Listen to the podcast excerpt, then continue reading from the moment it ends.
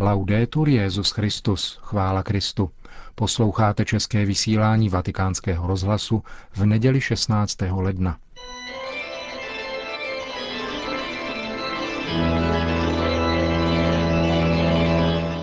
Církev a svět, náš nedělní komentář.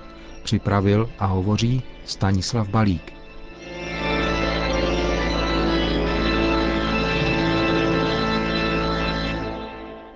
Vztahu českého státu a církvy se začíná dít cosi závažného. Tento týden podepsaná dohoda o zmrazení peněz na mzdy duchovních je toho dalším signálem. Církve ukázaly, že jsou ochotny nejenom jednat a vznášet nároky, ale že se současně cítí být součástí národní společnosti, která nyní potřebuje dietní kůru. Jaký úlevný rozdíl oproti kravalistickým odborářům, odcházejícím neodcházejícím lékařům a mnoha dalším státním zaměstnancům. Různé signály měnících se vztahů můžeme pozorovat již nějakou dobu. Nejpozději od návrhu Topolánkovy vlády na vyrovnání se za kdysi ukradený majetek. V podobě, v jaké bylo předloženo, nemělo v tehdejší politické atmosféře šanci na úspěch. Nicméně již samotný fakt, že vlivné politické síly byly takového návrhu schopny, značil změnu oproti dobám Klausových, Zemanových či dalších socialistických vlád. Pokračovalo to návštěvou papeže Benedikta XVI., která působila jako poselství z jiného světa. Nešlo jen o prezidenta Václava Klauze, ten se k překvapení mnoha svých odpůrců od papeže skoro nehnul. Jeho příznivá slova na adresu církve a křesťanství byla pro mnohé zcela nečekaná. Šlo i o mediální spravodajství a o celkovou náladu v zemi, které byly nadmíru příznivé. K dalšímu podsunu pak došlo s nástupem nového českého primase Dominika Duky. Symbolem tohoto nástupu se zcela jistě stalo rychlé ukončení sporu o katedrálu, který byl zvláště v posledních letech stále méně pochopitelný. Z loňského roku můžeme přidat několik dalších událostí. Svatováclavskou pouť ve Staré Boleslavi, která již několik let rozvíjí křesťanské pojetí základů české státnosti.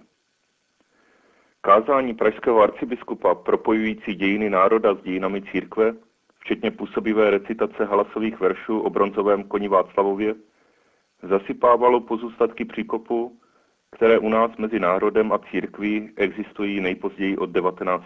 století. Kdo by si ještě před nedávnem pomyslel, že by premiér a první vicepremiér, předsedové dvou velkých stran, mohli být praktikující katolíci. Kdo by čekal, že státní oslavy 17. listopadu mohou vrcholit ve svatovické katedrále za účasti prezidenta a dalších vysokých státních představitelů. Letošní novoroční projev Dominika Duky byl zaznamenán i v těch společenských kruzích, jež mají ke křesťanství silně problematický vztah. No a do toho všeho přichází dohoda státu s církvemi o zastavení navyšování počtu kněží placených ze státních peněz. A nejen to. Již v programovém prohlášení se vláda zavázala k tomu, že dojde k 20 let odkládanému majetkovému narovnání mezi státem a církvemi. Ministr kultury avizoval, že chce návrh předložit vládě do letošního června. Nyní bylo oznámeno složení politické vládní komise, která se tématu má věnovat.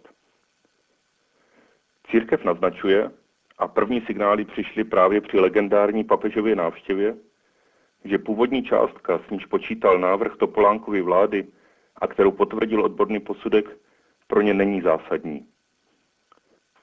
Ve hře ale není pouze otázka, zda církve dostanou miliard 50, 100 nebo 200.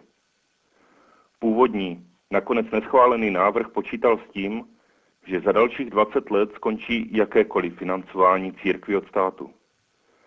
Pracoval tak vlastně pouze s principem očkodnění. Nevíme, zda to bude součástí i nového návrhu. Není totiž vůbec jasné, zda tenkrát církve, především ta katolická, domysleli, že ve své více než tisícileté české a moravské historii vlastně nikdy nežili pouze ze svého jmění. Od dob Josefa II. pak stát přímo platil kněžím za výkon státní zprávy a za výuku náboženství takzvanou kongru.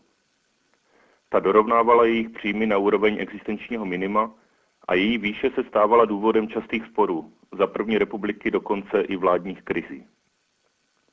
Navíc veškeré kostely byly udržovány především podle patronátního práva a církev do nich až na výjimky neinvestovala z výnosu svých polí a lesů. Z těch byli živí faráři. Patronátní právo na sebe v roce 49 převzal stát. Velmi rychle ale na něj zapomněl, byť teoreticky platí dodnes. O čem se mnoho nemluví, ale přesto to v uplynulých letech bylo a zcela jistě dále bude pozadím celé veřejné debaty o církvích, je zásadní otázka, v čem jsou vlastně církve pro současnou českou společnost nepostradatelné.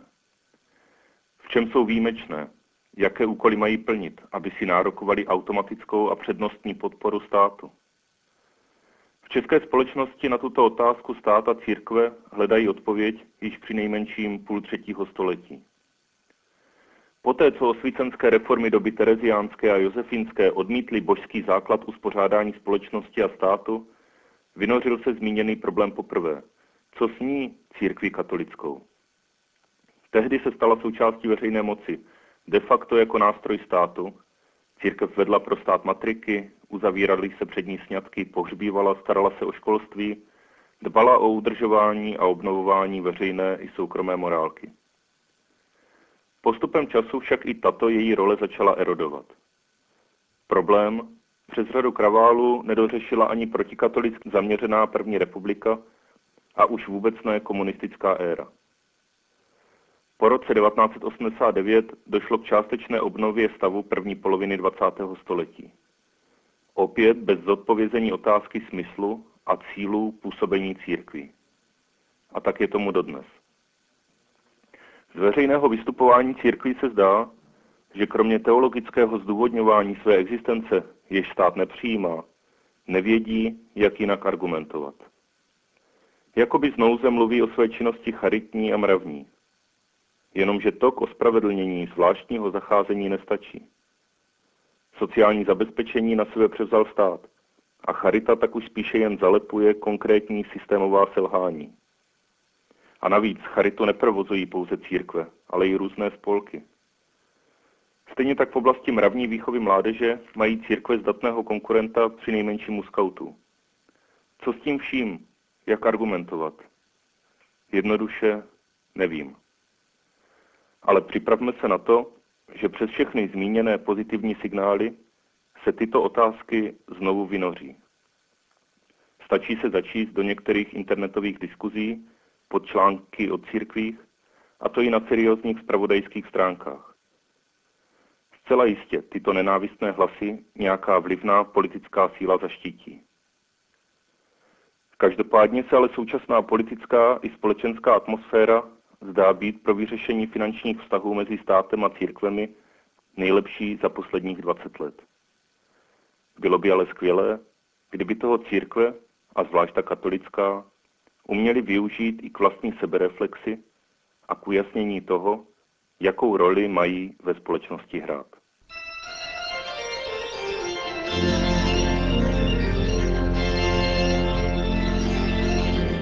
Slyšeli jste náš nedělní komentář Církev a svět, který připravil Stanislav Balík.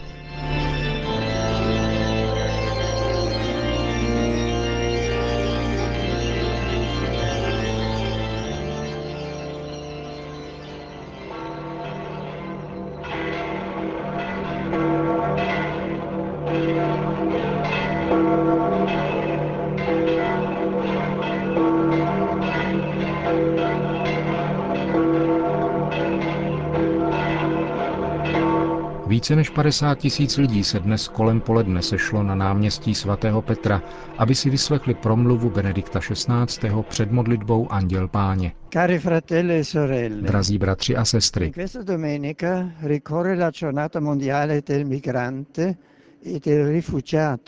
na tuto neděli připadá Světový den migrantů a uprchlíků, který nás každoročně vybízí zamyslet se nad zkušenostmi mnoha mužů a žen a mnoha rodin, které opouštějí svou vlast a vydávají se hledat lepší životní podmínky. Tato migrace je někdy dobrovolná, jindy je bohužel vynucena válkami nebo pronásledováním. A často, jak víme, k ní dochází za dramatických okolností – Proto byl před 60 lety ustanoven vrchní komisariát OSN pro uprchlíky. Na svátek svaté rodiny hned po Vánocích jsme si připomněli, že také Ježíšovi rodiče museli opustit svou zem a utéci do Egypta, aby zachránili život svého dítěte. Mesiáš, syn boží, byl uprchlík. Církev tedy prožívá zkušenost migrace od počátku. Někdy jsou také křesťané nuceni z bolestí opouštět svou vlast a uchuzovat tak země, kde se narodili jejich předkové. Na druhé straně dobrovolné stěhování křesťanů z různých důvodů z jednoho města či státu do druhého, z jednoho kontinentu na druhý, je příležitostí k růstu misijního dynamismu Božího slova a způsobuje tak, že svědectví víry v mystickém těle Kristově více cirkuluje, prostupuje národy a kultury a dosahuje nových hranic a nových prostředí. Una sola famiglia umana. Jedna lidská rodina. To je téma poselství, které jsem vydal k dnešnímu dni. Téma poukazuje na účel a cíl velkého putování lidstva staletími. Vytvořit jedinou rodinu, přirozeně se všemi rozdíly, které ji obohacují, ale bez budování bariér, tím, že se všichni uznají za bratry. Druhý vatikánský koncil to říká takto. Všechny národy tvoří přece jedno společenství, mají jeden původ, protože Bůh dal všemu lidstvu přebývat na celém povrchu země. Církev, říká znovu koncil, je totiž v Kristu jakoby svátost, neboli znamení a nástroj vnitřního spojení s Bohem a jednoty celého lidstva. Proto je základní věcí, aby křesťané, třeba že roztroušení po celém světě a odlišní svými kulturami a tradicemi, byli jedno, jak to chce pán – a to je cílem týdne modliteb za jednotu křesťanů, který proběhne ve dnech 18. až 25. ledna. Letos se inspiruje úryvkem ze skutků apoštolů. Setrvávali v apoštolském učení, v bratrském společenství, v lámání chleba a v modlitbách. Oktávu za jednotu křesťanů předchází zítra Den židovsko-křesťanského dialogu – velmi významná příležitost zblížení, která odkazuje na důležitost společných kořenů, které spojují Židy a křesťany.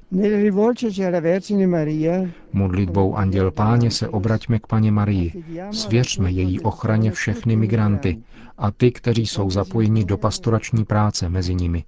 Maria, Matka Církve, kéž nám vymůže také pokrok na cestě k plné jednotě všech kristových učedníků. Potom Benedikt XVI. ještě dodal, Drazí bratři a sestry, jak víte, 1. května budu mít to potěšení beatifikovat svého milovaného předchůdce, ctihodného Jana Pavla II.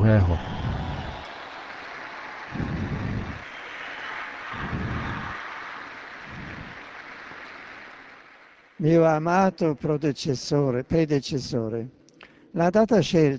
Zvolené datum je velmi výmluvné. Na ten den totiž připadá druhá neděle velikonoční, které dal on sám titul Neděle božího milosedenství. A v jejíž předvečer dokonal svůj pozemský život. Ti, kdo ho znali, ctili a milovali, spolu s církví nemohou nepocitovat radost z této události. Jsme šťastní. A na závěr papež všem požehnal. Sit nomen Domini benedictum ex hoc nunc et usque in saeculum. Adiutorium nostrum in nomine Domini. Qui feci celum et terra. Benedicat vos omnipotens Deus, Pater et Filius et Spiritus Sanctus.